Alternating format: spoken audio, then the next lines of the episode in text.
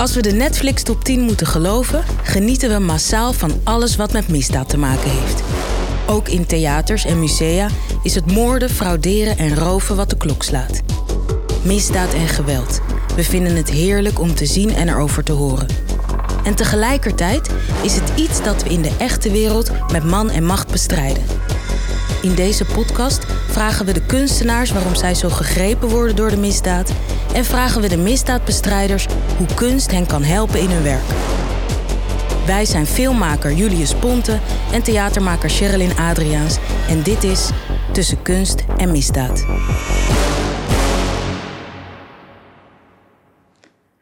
Yes, welkom allemaal. Uh, wij nemen vandaag de eerste aflevering op van onze podcast. Uh, en daar heb ik super veel zin in. Maar eerst, Julius, voordat wij uh, beginnen, um, waarom willen we dit eigenlijk zo graag opnemen? Ja, goede vraag is dat. Daar heb ik de afgelopen weken ook goed over nagedacht. Want het is best, het is best een uit, uitdagende, uitdagende serie die we voor de boeg hebben. Maar eigenlijk komt het voort uit het feit dat, ik, dat mensen mij misschien kennen van de films die ik gemaakt heb. Robot, De Wolf, De Oost. Onlangs de Hashkoning die op Videoland te zien is. En dat zijn allemaal films met uitdagende thema's. Met werelden die mensen soms niet zien. Zwarte pagina's uit onze geschiedenis. Um, en ik heb gewoon gemerkt hoe, wat voor impact zo'n zo'n film, zo'n zo'n kunstwerk kan maken uh, in de wereld. Uh, er zijn zo vaak mensen die, die naar me toe komen die in het werkveld zijn. Mensen die bij de politie werken, uh, jongere werkers die zeggen, ah, die film is fantastisch. Die laat precies zien hoe onze wereld is.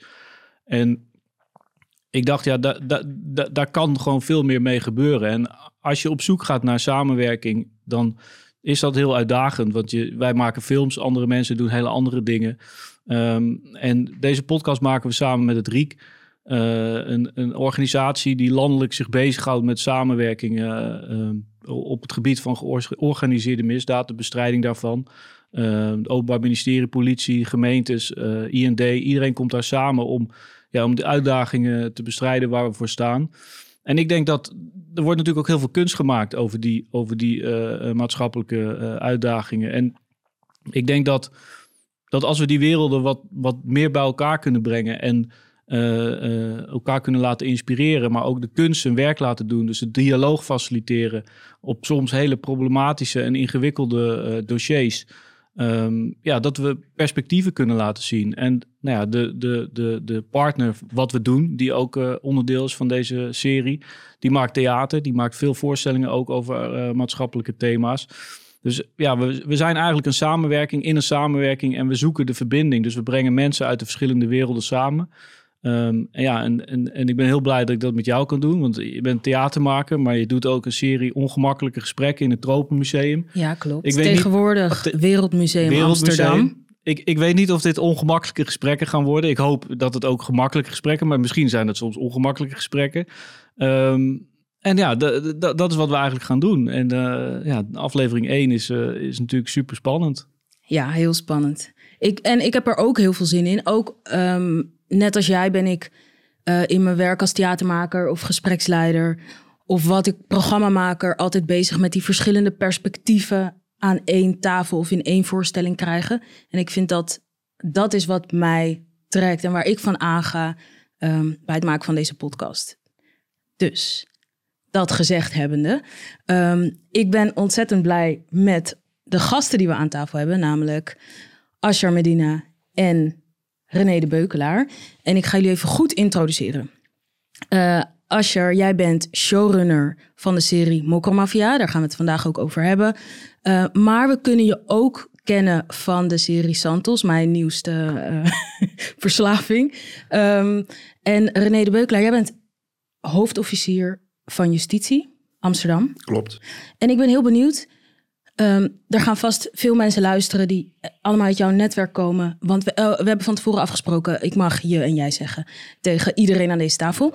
Um, maar we hebben van tevoren, uh, ja, dat hebben we van tevoren afgesproken. Maar weet, weten mensen uh, wat een hoofdofficier doet? Of moet je dat vaak uitleggen?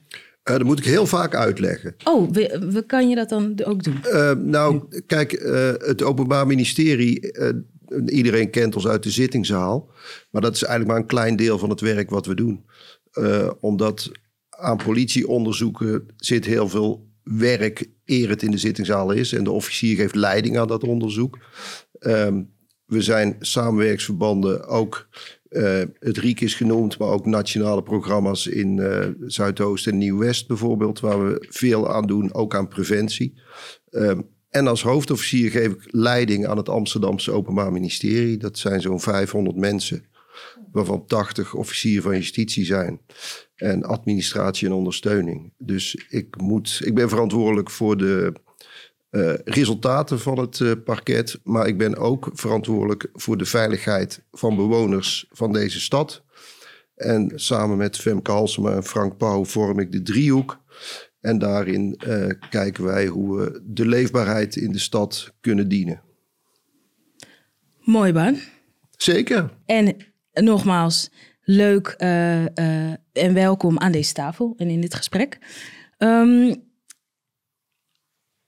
het doel van dit gesprek is om um, werelden samen te brengen.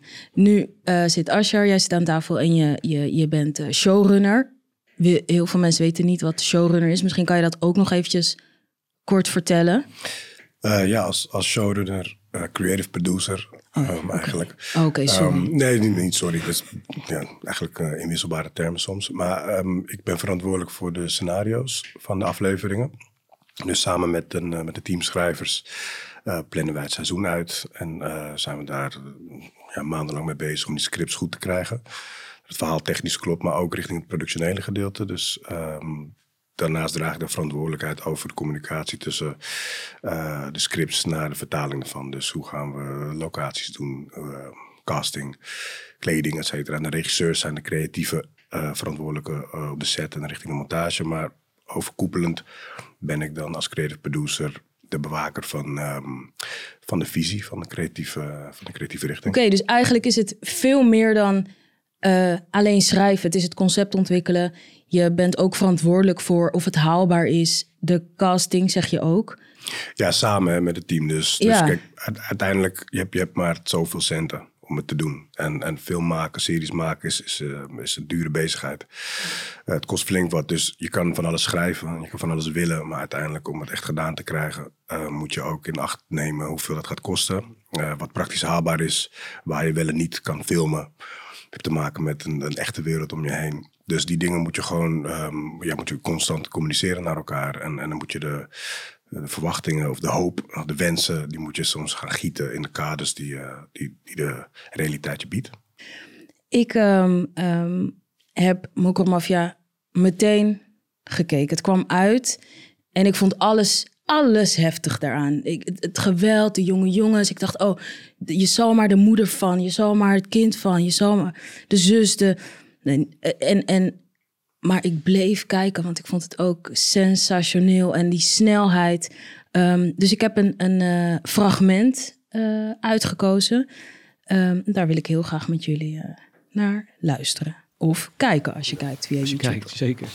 En daarom leek het me goed om een gesprek te hebben met u erbij. Want dit kan natuurlijk niet langer zo doorgaan. Hè? Van VWO naar VMBO in twee jaar tijd. Dat is bijna. Sorry. Uh... Telefoon weg. Nee, die heb ik vaker gehoord. Maar met sorry alleen, dat, uh, daar komen we niet ver mee. Hè? Nee, daar heb je gelijk in. Ja. Maar ik, ik, probeer te zeggen van het, thuis, uh, hij doet best zijn best. En... Ja, dat geloof ik graag, meneer Tahiri. Maar sinds het schooljaar is begonnen, is Youssef bij geen enkel vak het eerste lesuur aanwezig geweest. En het is nu november. En daarbij heeft hij zijn docent Duits uitgescholden voor Hitler, de gymleraar voor kankerflikker en zijn docenten maatschappijleer voor vies stinkhoertje. En dan hebben we natuurlijk ook nog het akkefietje met de brandvlam. Oh, dat vind je grappig? Ik zie je de humor niet van in hoor. Jij wel? Of mis ik er iets? Hm? Moet naar de wc. Yusuf.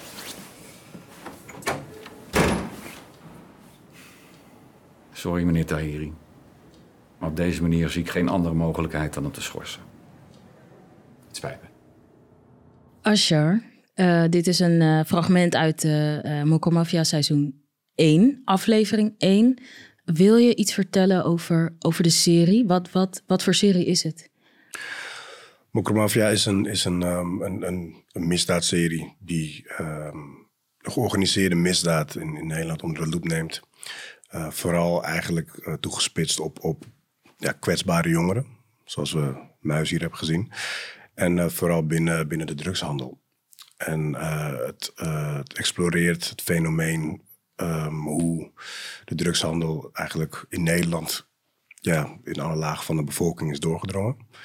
Uh, wat voor effect dat heeft op de betrokkenen. Niet alleen de, de daders, uh, de medeplichtigen, maar ook de families van, van de daders, de families van de slachtoffers. Uh, mensen die er gewoon mee te maken krijgen omdat ze gewoon in, in Nederland wonen. Justitie, politie, um, noem maar op. En, het, en we proberen eigenlijk al die lagen te exploreren om te laten zien hoe dit fenomeen Nederland op een bepaalde manier toch in zijn greep heeft. En vooral wat er voor effect het heeft op uh, de betrokkenen. En, en is dit, uh, dit fragment of deze scène, is dat uh, een van die voorbeelden waarin je ziet wat voor effect het heeft op bijvoorbeeld. want je ziet nog helemaal niet. Dit is Muis. Je ziet het personage Muis, die wordt eigenlijk geschorst van school. En hij wordt eigenlijk. Hij staat dan met één been, of misschien eigenlijk stiekem wel met twee benen, in die drugswereld. Uh, is dit een voorbeeld waarin je laat zien, uh, ja, dit, he, dit is het effect? Of is deze scène op een andere manier belangrijk? Ik denk dat als we kijken naar misdaad, georganiseerde misdaad, het is een, het is een fenomeen wat zich vooral bij kwetsbare groepen laat zien. Dus dan, dan hebben we over, over minder goed onderwijs, dan hebben we het over armoede, dan hebben we het over bepaalde huisvesting. En van oudsher zien we dat, dat uh, georganiseerde misdaad, drugsmisdaad, dat dat vooral daar grip krijgt. Omdat dat de mensen zijn die daar het meest vatbaar voor zijn. En bij jongeren die op jonge leeftijd betrokken worden bij deze wereld, zie je dat het uh, vaak gepaard gaat met uh, bepaalde thuissituaties. Het gaat gepaard met uh, een omgeving, de buurt waarin ze opgroeien, vrienden of familieleden die, die wellicht al aan die kant zitten. En wat je hier ziet is dat, dat er een, een, een jongen die zo een kwetsbare jongere is, dat die eigenlijk getrokken wordt door, door de straat. En daar bepaalde dingen vindt of denkt te vinden die die blijkbaar niet op school denkt te vinden. En, en, we zijn niet een, wij maken geen pamflet, dus wij, wij pretenderen niet te, te, laten zien hoe de wereld wel zou moeten opereren. Wij laten gewoon zien wat voor factoren daar uh, aan uh, ten grondslag kunnen liggen. Ja, je ziet natuurlijk ook dat die jongen op school alleen maar als lastig en vervelend wordt ja. gezien. En door de criminelen als uh, uh, buitengewoon handig en uh, gewaardeerd wordt. Hè. Dus ik snap wel dat jongeren denken: ja, wat moet ik op school? Want daar krijg ik alleen maar gedonder mee. Terwijl als ik met de criminelen optrek, dan krijg ik alleen maar complimenten. En je wil als jongere ook gewoon gezien worden, denk ik. Zeker. En, en als we naar als we naar deze scène zouden kijken als een soort uh, casus. Dus je, je, je ziet eigenlijk die, uh, precies wat je zegt René, die directeur die zo'n jongen al als lastig ervaart en die er eigenlijk al een beetje klaar mee is.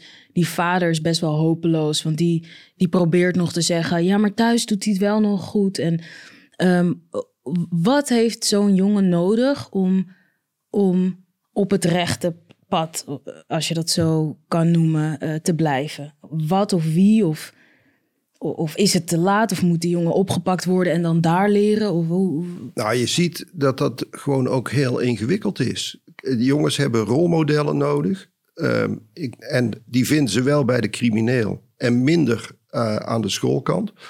Um, ik denk dat je nog vroeger moet beginnen. Want ze worden ook getrokken door een heel mooi verhaal. Je wordt rijk en uh, je hoeft nooit meer te werken en geld zal geen probleem meer zijn.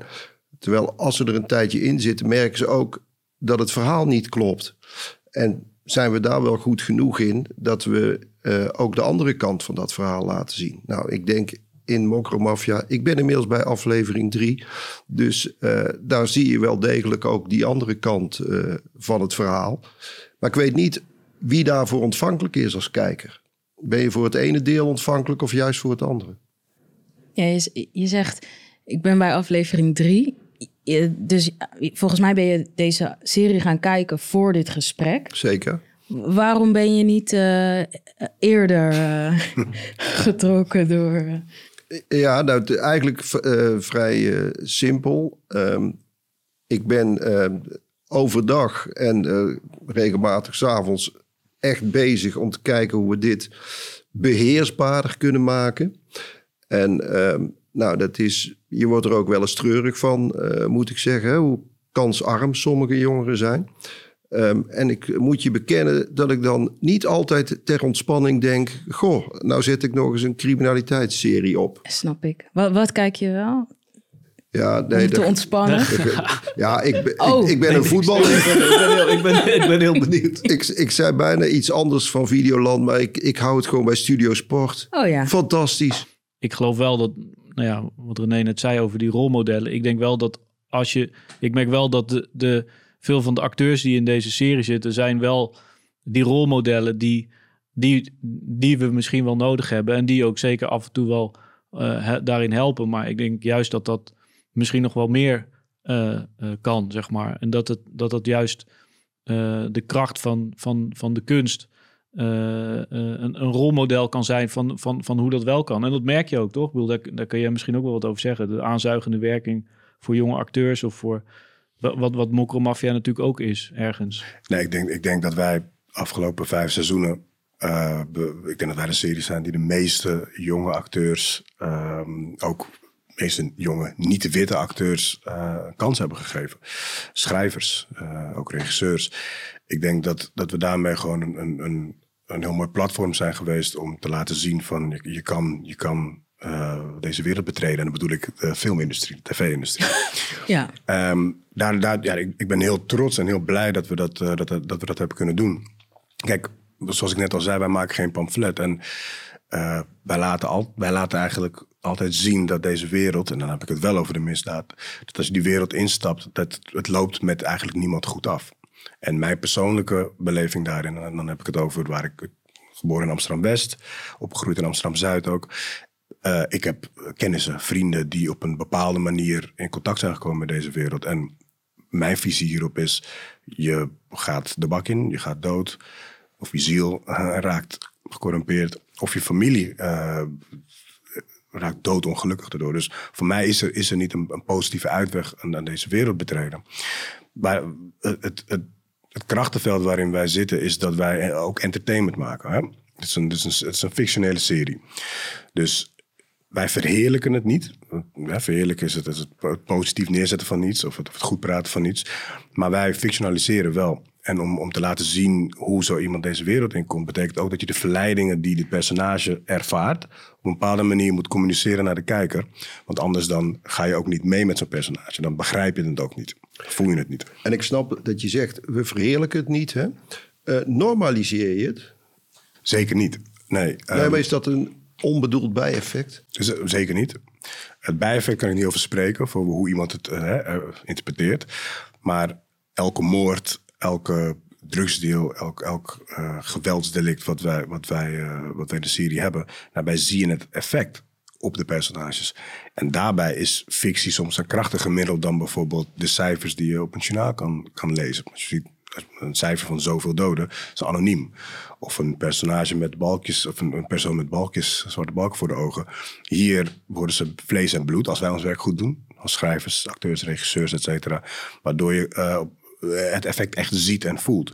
Dus in mijn ogen is fictie eh, soms misschien wel een krachtiger middel dan bijvoorbeeld de, de eindeloze true crime podcast en, en, en documentaires. En is een hele eh, Discovery Channel heeft volgens mij een hele zender die alleen maar gewijd is aan true crime. Waarbij je achter elkaar echte moorden worden behandeld als, alsof het wel entertainment is. En terloops en achter elkaar door. En volgens mij, eh, ik, in mijn beleving, maar, eh, normaliseert dat het meer dan dat wij doen door te laten zien dat deze mensen echt kapot gaan aan deze wereld.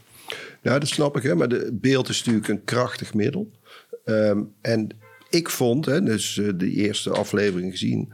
eh, dat feit en fictie voor, voor mijn werkelijkheid enorm door elkaar lopen. Hè? Dus ehm, de, je wordt geïnspireerd, eh, kan ik me voorstellen, door de feiten. Ehm, maar het zou ook nog maar kunnen dat de feitelijke geïnspireerd worden door de fictie.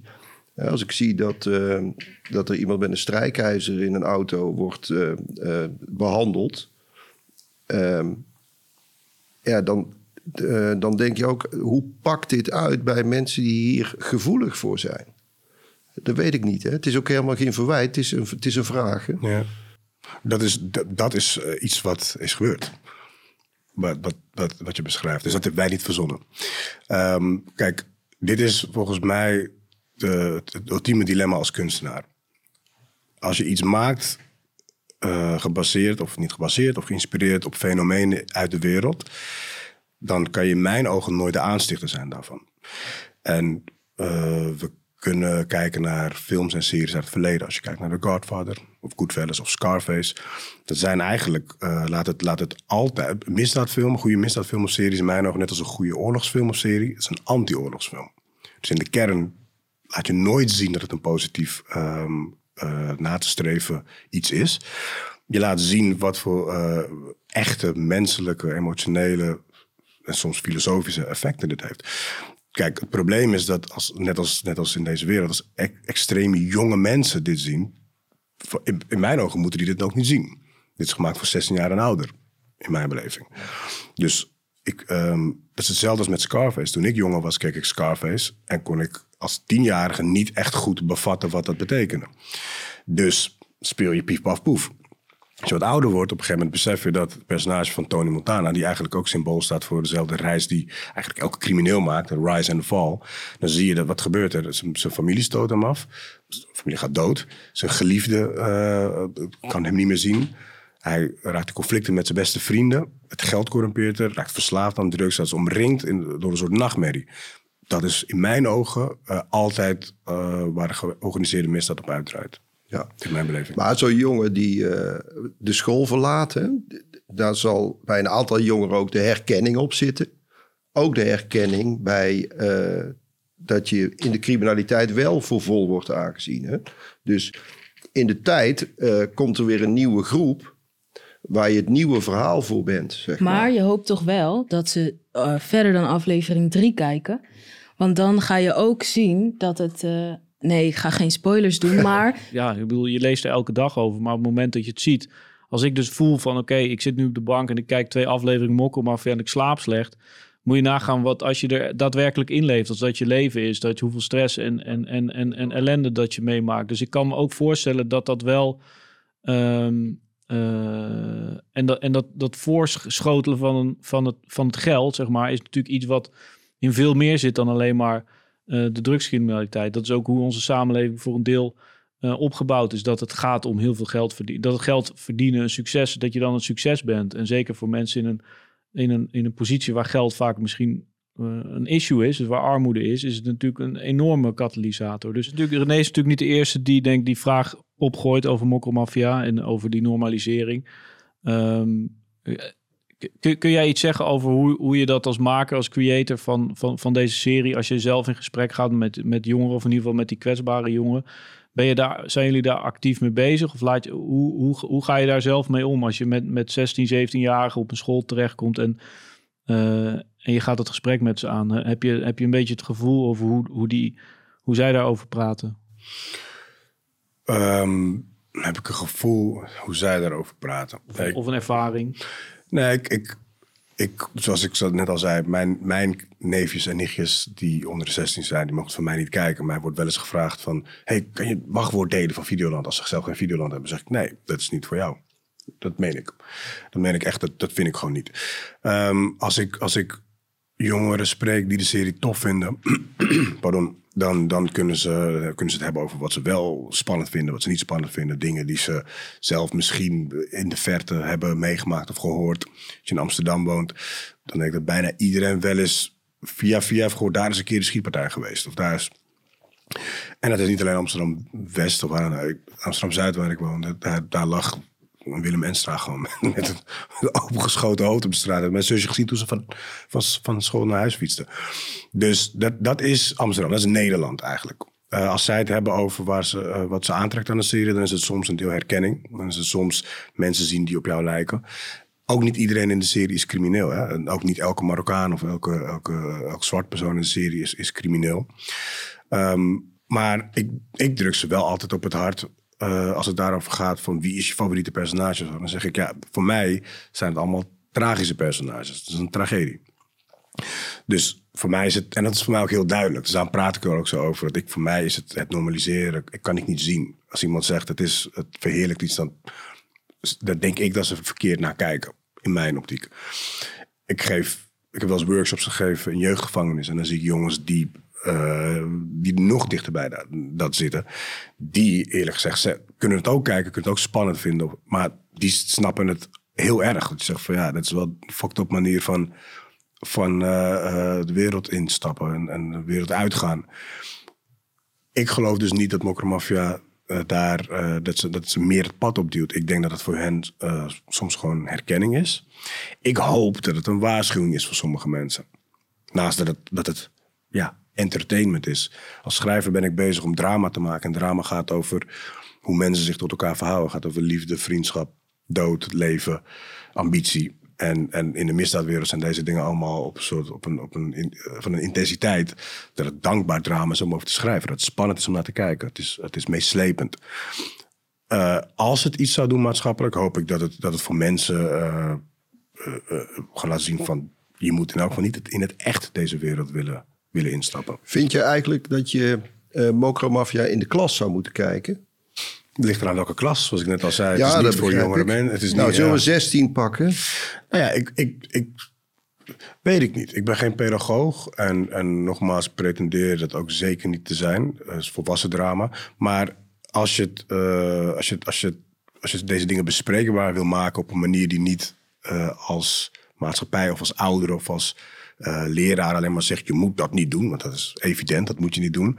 Maar als je, als je wil kijken van oké, maar hoe kan het nou dat die ene jongen die jij misschien kent dat wel heeft gedaan? Of zijn er mensen in jouw omgeving die je misschien soms iets vragen om iets te doen? Of denk je er soms aan om misschien een, rugzak ergens naartoe te brengen? Want noem maar op. Nou ja, voor die, voor die jongeren, als dat een gesprek opent, waarom niet?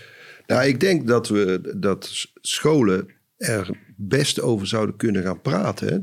je krijgt denk ik een goed gesprek tussen jongeren na zo'n aflevering. Terwijl als je hem thuis kijkt in de, eh, en ja, je gaat daarna naar bed of je gaat eten of wat dan ook, dan praat je er nog wel even over. Maar die verdiepingsslag van wat heb je nou eigenlijk gezien, die komt er dan niet. Ja, nee, snap, ik, snap, ik snap wat je bedoelt. Maar ik, denk- ik, ik denk dat je ervan uit moet gaan dat die jongeren het sowieso kijken. Dus ik denk dat als je het er in de klas over hebt, dan of je het nou als school brengt of dat je het er, erover hebt. Maar ik denk dat het, het is de buitenwereld. Net zoals dat de criminaliteit de buitenwereld is, is de fictie die over die criminaliteit gemaakt wordt, is ook de buitenwereld. Dus ik denk ook dat het. Ik zou ook de vraag aan jou kunnen stellen. Vind jij, net zoals dat jij hem aan Asja staat, dan zou jij, vind jij dat, dat het op scholen zou moeten kijken? En zou je daar zou jij samen met die kinderen daar... Nou, snap je? Dat, dat bedoel Ja. ik. Want, jij, want het is natuurlijk... Het- het gaat natuurlijk niet alleen over de impact... eh, ik bedoel, de criminaliteit heeft natuurlijk impact op de, op de families... maar heeft net zo goed op impact op de mensen die die criminaliteit bestrijden. Er zijn natuurlijk ook genoeg mensen... waarschijnlijk binnen het Openbaar Ministerie... die daaronder eh, lijden in hun privé situaties. Ehm, dus ik kan me voorstellen dat dat... Dat het een gezamenlijk gesprek is bijna, zeg maar. Ja, kan ik me ook dus, goed dus dat het ook een, een, een, een...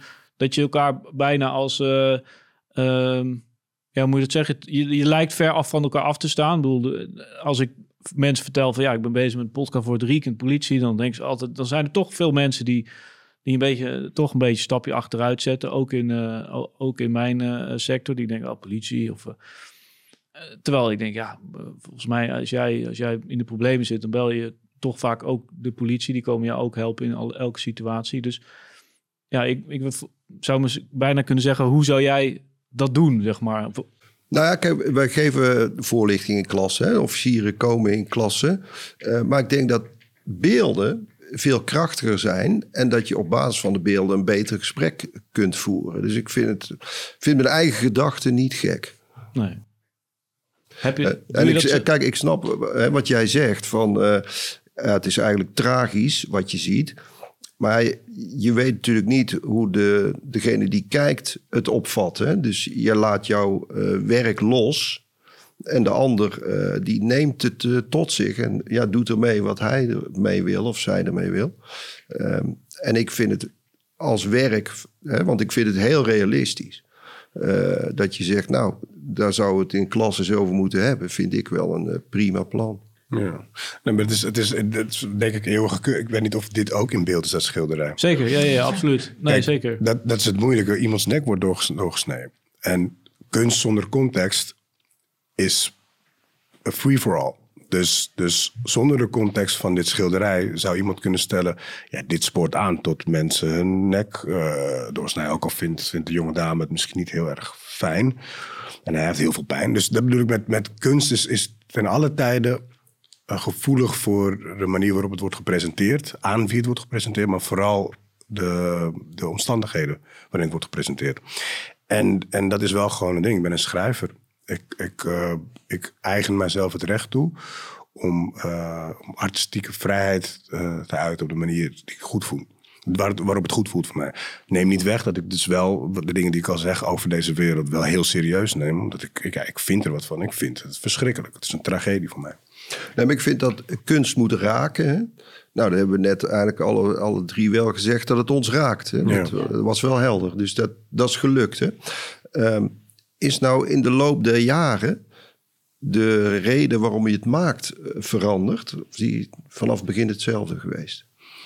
vanaf het begin hetzelfde geweest. Eh, dus hè, de, de, de tweedeling tussen schrijven en, en, en maar creativiteit daarin vrij kunnen laten, eh, het exploreren, eh, werelden te creëren, personages te creëren, is altijd hetzelfde blijven. Of ik nou Mokker Mafia schrijf of een film die ik heb geschreven over twee Syrische vluchtelingen. Of Meest Case, de serie, een jeugdserie over, over een kinderklas. Ehm, ja, ik, ik, ik vind inspiratie in, in alles, in de hele wereld. En mijn reden om dit te doen is omdat ik heel erg mijn ei erin kwijt kan als schrijver en als, als maker. En ik werk met een geweldig team, eh, heel veel toffe mensen. En anderzijds, deze discussie, eh, als deze discussie ertoe leidt dat mensen op een bepaalde manier een stapje bewuster worden over hoe dichtbij deze wereld wel niet is. Want dat hoor ik van veel mensen toen ze zagen van ja, die jongens die normaal alleen op het journaal eh, bewakingsbeelden met de capuchon zijn, dat zijn nu echte jongens aan het worden. Oké, nou, eh, hopelijk leert je dan van we zitten hier allemaal dus in. Dus als wij één Nederland zijn, dan zijn zij onderdeel van ons. En als dat ergens ertoe leidt van dat mensen denken, oké shit, is er iets wat we hier aan kunnen doen? Doen we er genoeg aan? Wat kunnen we, er, wat kunnen we doen?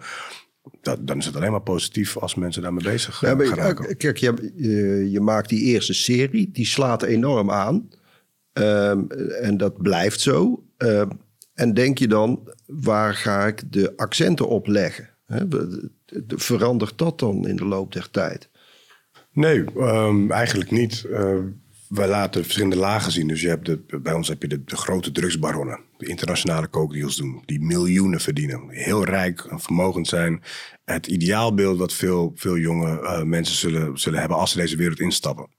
Maar we laten zien dat de helft daarvan ook in de gevangenis terechtkomt. We laten zien dat de andere helft misschien wel dood is. Laten zien dat hun families constant op de vlucht zijn. Constant in angst leven. Dan laten we zien de, de, de jongeren die eigenlijk de soldaten zijn. En ik zie dat ook vaak als kindsoldaten. Ik vind als i- iemand van 15, 16, die hersenen zijn nog niet eens volgroeid. Dus ja, je moet ze verantwoordelijk houden voor wat ze doen. Maar je moet ook zeker kijken naar hoe komen ze tot dat punt. En wat kunnen we doen om, om ervoor te zorgen dat zo iemand niet eh, op 15, 16-jarige leeftijd al verloren is. Eh, daarnaast laten we zien hoe het bij, eh, eh, in onze interpretatie van justitie het is. We laten politie zien, we laten ook corruptie zien bij de politie. We laten zien politieagenten, die, rechercheurs die alles in het werk stellen om dit tegen te gaan. We laten zien hoe mensen die winkels hebben eh, geronseld worden, misbruikt worden om, om geld wit te wassen. Ook slachtoffer zijn. We laten zien hoe ouders alles op alles zetten. Er een hele verhaallijn in seizoen 4. Hoe een groep ouders alles op alles zet om een groep jongens uit die wereld te trekken. Een soort heropvoedingskamp te doen. We proberen eh, gewoon ja, alles, alles van deze wereld te laten zien. Zonder, zonder nogmaals een pamflet te maken. Ehm, maar dat is nooit veranderd. Want het ging altijd over familie, vriendschap, ambitie, moord, drugs. Ehm, justitie, vooral gewoon over de menselijkheid erachter. Tenminste, dat, dat is tenminste onze insteek geweest. Die, die is niet veranderd, die zal ook nooit veranderen. We zijn nu het laatste seizoen aan het doen. En we doen heel erg ons best om dat ook weer die cirkel rond te brengen. Op veel, veel manieren, dat het als kunstwerk of als entertainment. En het moet het spannendste seizoen ooit worden natuurlijk. Maar daarnaast is het ook, uh, wij doen ons werk goed als het misschien ook hopelijk het meest menselijke seizoen is. Of in elk geval net zo menselijk als hoe we er ooit zijn ingestapt. Mooi. Mooi. Seizoen 6 is in de maak. Ehm, ik heb uh, voor dit gesprek of, ja, aflevering 1, 2, 3 teruggekeken. Want ik was al gewoon toen het online kwam meteen aan het kijken. En ik zag uh, los van de seizoenen ook een soort aparte aflevering, making of. Nou, niet making of, maar uh, de showrunner. En ik wil heel graag luisteren naar een fragment um, van Nasserdin, die eigenlijk iets vertelt. Dit gaat niet over het stigma. Dit gaat over een wereld die we willen laten zien. Een nachtmerrie die we laten zien. Waarbij families verscheurd worden. Waarbij personages gelaagd zijn.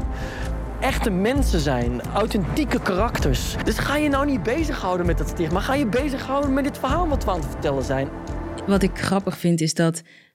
Als je wat jij net zegt, dat zegt Nasserin ook even. Dus ga je bezighouden met het verhaal.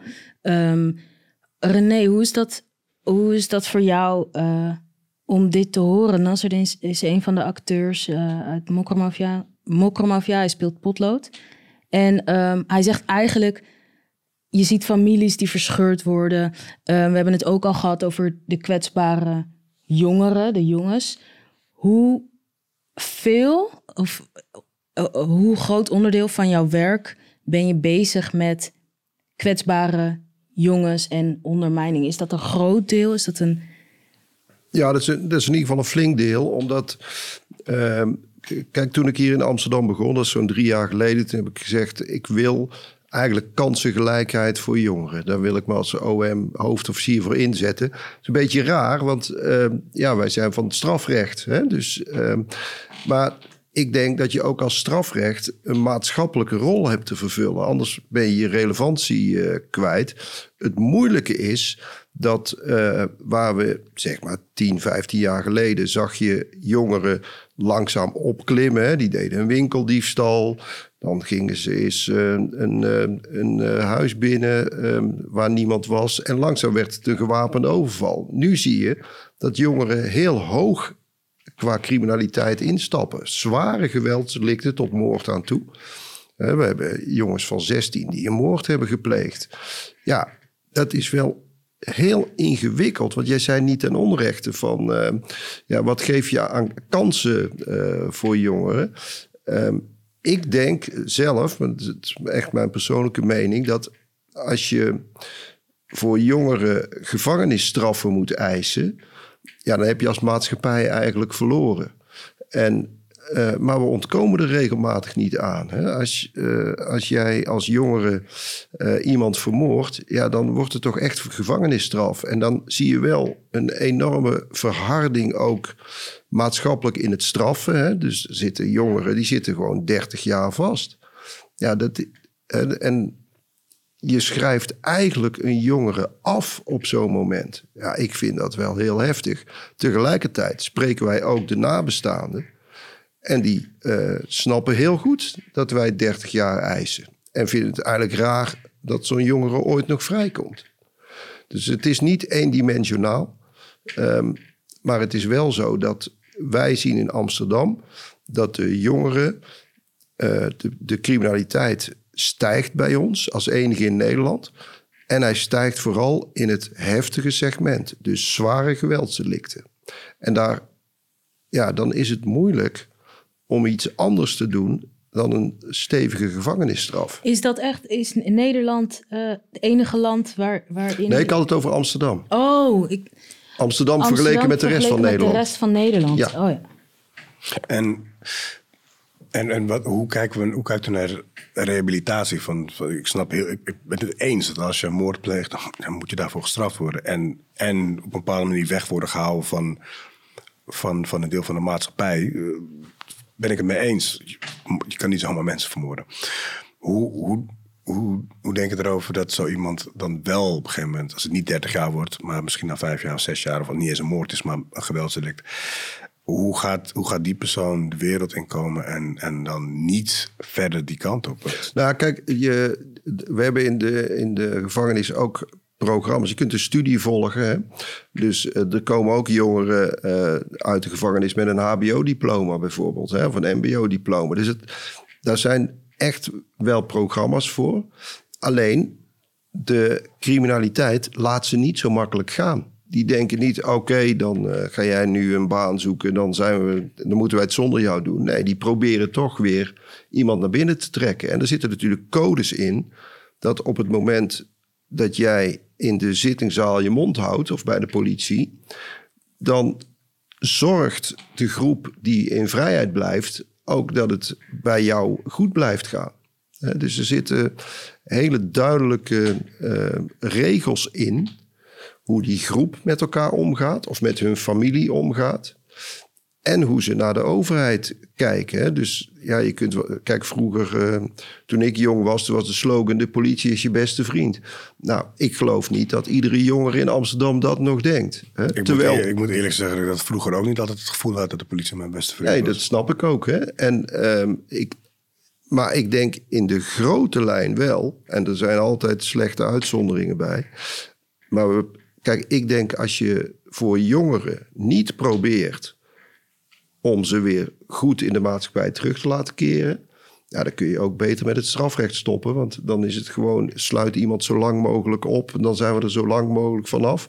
Maar daarmee creëer je het probleem als iemand in vrijheid komt. 100%. Want wat ik begrijp is dat, dat voor veel criminelen de gevangenis als, als een hogeschool was. En dat bedoel ik niet voor een HBO, maar een hogeschool criminologie. Ja, dat is natuurlijk ook zo. Het is niet ja. zo dat we allemaal rechtsaf naar het onderwijs gaan in de gevangenis. Er zijn er ook die gaan linksaf. Hmm. Ja, en de, nou, dat is wel moeilijk om dat tegen te gaan. En, en als je zegt dat, uh, want dat was, ja, dat is onderdeel natuurlijk ook, je ziet het ook in, in, de, in de serie, zie je dat natuurlijk, zijn, zijn jonge jongens. Uh, als je nam, nam net het woord kind, kindsoldaat in, in hun mond.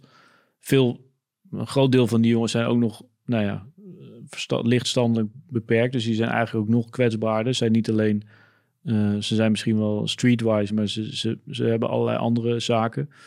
Denk je niet dat, die, dat, je, dat je als dat die preventie nog groter en sterker moet zijn? Want je kan natuurlijk aan het OM groeien, je kan de politie groeien, je kan het probleem proberen te beheersen. Maar denk je niet dat het um, dat, dat, dat je andere middelen moet gaan inzetten om, om die mensen eerder te bereiken, zeg maar. Ja, zeker. Kijk, we hebben ook gezegd, ja, je kunt op de middelbare school beginnen. Dan ben je eigenlijk al te laat. Hè? Je moet op de lagere school beginnen. Um, het moeilijke is wel dat... Um, uh, ik ben als OM'er van het strafrecht. Um, we hebben volgens mij een paar hele goede initiatieven, ook hier in Amsterdam. Bijvoorbeeld Credible Messengers, die uh, jongeren die ook de andere kant hebben gezien, maar die ook hebben gedacht: dit is mijn leven niet. En die nu andere jongeren begeleiden om te kijken hoe kun je ook een ander perspectief uh, voor de toekomst hebben. Want ik denk niet dat politie en OM daar de aangewezen instanties voor zijn. Maar wat wij wel degelijk doen, is bij een eis in de zittingszaal kijken van wat helpt er.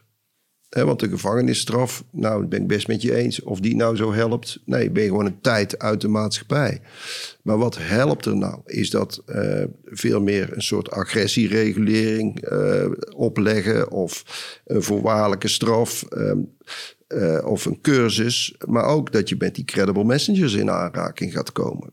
Uh, dus, uh, maar dat hangt echt wel van het feit af. Is het dermate ernstig, dan staan we soms ook met de rug tegen de muur om een zware straf te eisen.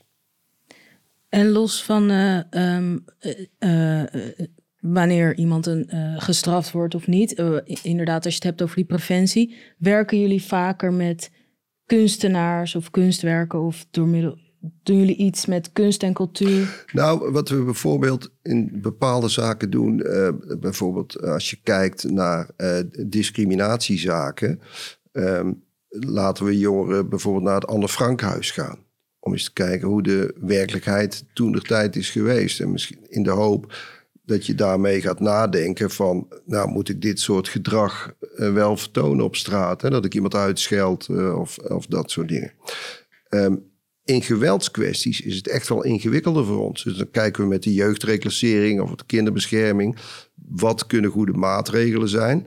Maar we kijken ook, hoe ziet het gezin eruit? Ehm, kan vader of moeder steun gebruiken eh, in de opvoeding of in hoe ze het, levensonderhoud eh, voor elkaar krijgt? Want het, dat kan ook eh, ingewikkeld zijn. En hoe zit het met broertjes en zusjes? Hebben, kunnen we daar nog iets voor betekenen? Nou, daar hebben we best een breed netwerk voor eh, hier in de stad. Ehm, en dat is vaak succesvol. En wij zien alleen wanneer het niet succesvol is. Dat is een beetje het probleem ook. En je kunt niet vertellen wat je voorkomt. Je ziet alleen maar wat je niet hebt voorkomen. Ja, ja. Vaak wel. Maar ik denk ook, ik heb zelf de opleiding culturele en maatschappelijke vorming gedaan. En ik denk dat als je als jongerenwerker bijvoorbeeld aan het werk bent en heel persoonlijk contact hebt met jongeren, dat je, dat je en, en ook ziet in wat voor wereld zo iemand beweegt en ook wat de eh, eh, verleidingen zijn, dat je dan wel eh, kan zien wat, waar zo iemand naartoe had kunnen gaan en dat dat niet is gebeurd doordat je heel dicht bij iemand. Dus, de, dus ik, maar ik snap ook wat je zegt hoor, dat, je dat, dat dat heel vaak niet zichtbaar is. Maar even nog over kunst en cultuur. Want ik denk dat we bij het einde, een beetje het laatste deel van het gesprek komen. En wat ik, waar ik het gesprek mee begon, dat is eigenlijk het doel. En dat is kijken of deze twee werelden samen kunnen komen. En ik ben heel benieuwd. Um, René zei net al een beetje, ja, dit zou best wel goed zijn om in de klas te kijken en dan een heel ehm, pakket of, een, of lesmateriaal misschien zelfs omheen te bouwen. En, zodat je in gesprek kan met die leerlingen van wat, wat heb je gezien en wat zijn de gevolgen dat je dat, dat daar dus een uh, dat je op die manier mokkermafia uitbreidt. Maar uh, Asher maakt natuurlijk nog veel meer. En ik ben benieuwd, is er, is er iets um, wat jij zou willen zien? Of waar jij een film of serie of, of uh, een onderwerp waarvan je denkt... Asher, zou je hier niet iets over kunnen maken? Want dat zou ik direct aan al mijn collega's laten zien. Of dat zou ik, daar zou ik dit mee doen. Uh, ja, ik, ik denk dat, dat die enorm is geslaagd met Mokromafia. Dat dat echt een heel realistisch beeld geeft. Alleen, ik denk dat we moeten kijken... en wat voor follow-up geven we daar dan aan met z'n allen. Jij zei net zelf, ja, misschien kunnen acteurs rolmodellen zijn. Ik denk het zeker.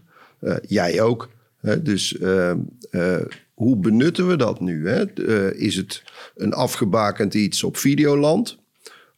Of zit er ook iets omheen, een programma? Heb je daar al een concrete idee? Of, of kan je al nou, iets bedenken? Maar heb, je, heb je wel, maar heb je wel eens met Videoland gesproken, überhaupt? Want dat is het ding. Ik, bedoel, ik heb zelf ook een, een, een serie voor Videoland gemaakt. Videoland is natuurlijk ook een commercieel, is RTL, is gewoon een commercieel bedrijf.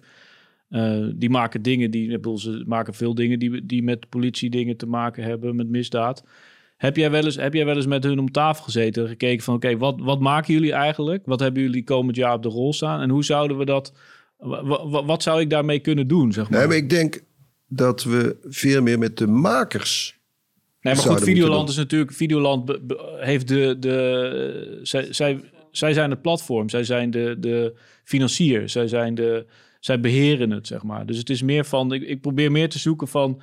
Um, ik moest bijvoorbeeld zelf zeggen van, nou, ik wil die educatierechten hebben van die documentaire, want dan kan ik daar zelf iets mee doen.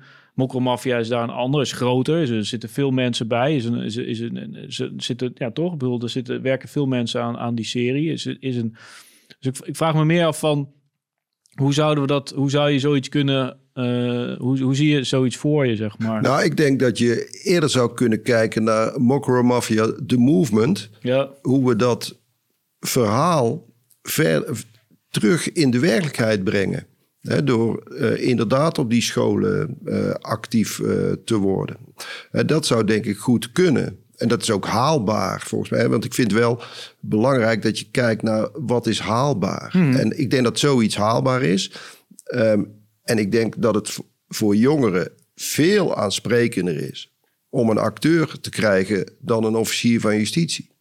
Ja, of samen juist. Ja, dat kan ook. Hè. Dus... Nou ja, ik weet dat Walid, een van de Adil, een van de, van de, van de, van de grote namen in de serie, die heeft, die heeft wel eens wat filmpjes gemaakt voor een, voor een, voor een campagne in uh, Midden-Nederland, volgens mij, samen met politie. ik denk dat ik zelf denk dat dat veel meer kan. Ik denk dat daar veel meer. Maar daar, daar zijn natuurlijk twee, heb je twee partijen nodig die dat, die dat moeten willen. En ehm, ja, ik denk wel dat dat. Ja, jij hebt het, kijkt het niet omdat ik. Of je keek het niet omdat je denkt van ja, ik ben thuis al. eh, ik, weet je, dus ik ben toch op zoek naar een soort van.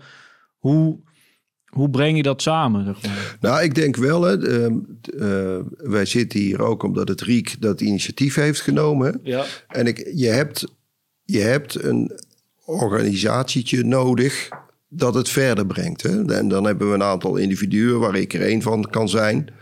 die daar de schouders mee onder zet. En net zoals jij eh, de schouders mee onder kunt zetten. Eh, dus ik, ik denk dat dat haalbaar is. Want je hebt wel gelijk, we maken af en toe gebruik om bijvoorbeeld een filmpje te maken... en dat eh, op YouTube of wat dan ook te zetten. En dat spreekt wel degelijk aan. En dat doen wij te weinig, als OM in ieder geval. Politie is er wat verder in. Maar ik denk dat het goed is als we daar eens kijken hoe je de handen wat meer ineens slaat. Hè? Want ik, wat jij vertelt over mokromafia, dat spreekt mij wel erg aan. Hè, dus ik twijfel, maar ik denk dat ik verder ga kijken. Dus we gaan agenda's trekken. We gaan agenda's trekken. Ja, kijk, ik wil daar wel wat over zeggen. Ik, ik, ik geef dus workshops. En dat is niet alleen, ik, ik geef soms gastles aan de filmacademie. Nou, dat zijn iets meer bevoorrechte eh, mensen. Studenten, zeker. Waaronder ik er een van was. Ik geef ook Ik niet. workshops. eh, jij niet. Ik mocht niet. Verschil moeten wezen, Julius. Ehm, maar ik geef ook workshops eh, op, op buurthuizen. Ehm, ik geef, eh, wat ik zeg, ik, ben, ik heb workshops gegeven in jeugdgevangenissen. Kijk, als iemand mij vraagt om, om daar iets over te vertellen, ben ik altijd meer dan bereid om dat te doen. Mijn beroep is, is schrijver en filmmaker. Ja. Dus mijn, mijn doel is om verhalen te maken die mensen raken. Als deze gesprekken er zijn, dan ben ik vandaag, vandaag ook hier. Omdat Ja. ik, ik, ik vind het belangrijk. Ik vind het eh, de taak van het onderwijs. Ik vind het de taak van, van gemeentes. Ik vind het de taak van politie en justitie. Om te zeggen, hoe gaan wij ehm, onze maatschappij beter maken vanuit de functie die deze, deze instanties hebben. Ik kan namelijk een steentje aan bijdragen als kunstenaar om erover te praten. Of als schrijver doe ik het met alle liefde. Want ik vind het verschrikkelijk om te zien hoe sommige dingen in het echt gebeuren. Heb vorig jaar een film geschreven, Dojo. Die gaat dan, dat is dan voor, wel voor jongeren. Dat gaat deels eh, vergelijkbare problematiek, jeugdbendes. En die wordt, dit wordt als lesmateriaal gegeven op scholen. Dat is ook een bewuste insteek die we toen hebben gemaakt. Dus, ehm, en en dat, dat, dat is dan een ander segment. Dat maken we met het oog op. Is voor jongeren vanaf een jaar of, mm, wil zeggen, negen. Eh, wat je net al zei, dan moet je eigenlijk iets eerder op de basisschool zijn. Het Mokromafia ga je niet aan hen laten zien. Maar een film als Dojo kan dan weer wel. En er kunnen andere verhalen kunnen zijn die dat op een bepaalde manier aanstippen. En die verleiding, verleidingen laten zien, of valkuilen laten zien. Eh, Als ik daar mijn steentje aan kan bijdragen, doe ik dat met, met, altijd met alle liefde. Zeker weten. Nee, en ik denk, ik denk dat het ook, ook vanuit het, ook bij de politie en, en de, de overheidsinstanties en scholen. Ik bedoel, ik merk dat ook bij ons eigen programma, wat we dan doen eh, lokaal in, in Venlo met, met die serie, is dat het. Dus uiteindelijk wordt het ook gewoon werk, zeg maar. Dus het is, het, als je één keer langs gaat twee keer is leuk, maar als je er twintig moet doen, ja, dan, dan, dan wordt het echt soort van, dan word je een soort halve, ja, je bent geen jongerenwerker, maar je zet jouw jouw verhaal probeer je nog meer impact te maken, zeg maar. En ik denk dat dat een, dat dat een, ja, ik vind dat zelf altijd eh, eh, heel bijzonder. Ook als je in de, zelfs in de bioscoop begint dat natuurlijk al, want dat is de plek waar, of bioscoop of het scherm. Alleen als je dan zelf daar nog een, een, een, extra duwtje in kan geven, ja, ik denk dat daar heel veel, ja, heel veel ruimte voor is. En ehm, nou ja, ik hoop dat we daar eh, verder mee kunnen gaan. Ik hoop het ook. Ik eh, wil jullie bedanken. We gaan afronden. Ehm Dank je wel, René en Asher, voor dit hele fijne gesprek. En de luisteraar, kijker, dat je tot het einde bent gebleven. Ehm, heb je genoten van het gesprek? Abonneer je dan, gooi sterren of comments en er volgen er meer. Stuur het naar je collega, vriend of vijand. Deze podcast werd je aangeboden door Riek Amsterdam Amsteland en gemaakt door Wat We Doen. In samenwerking met mijzelf, Sherilyn Adriaans en Julius Ponte. Tot de volgende Tussen Kunst en Misdaad.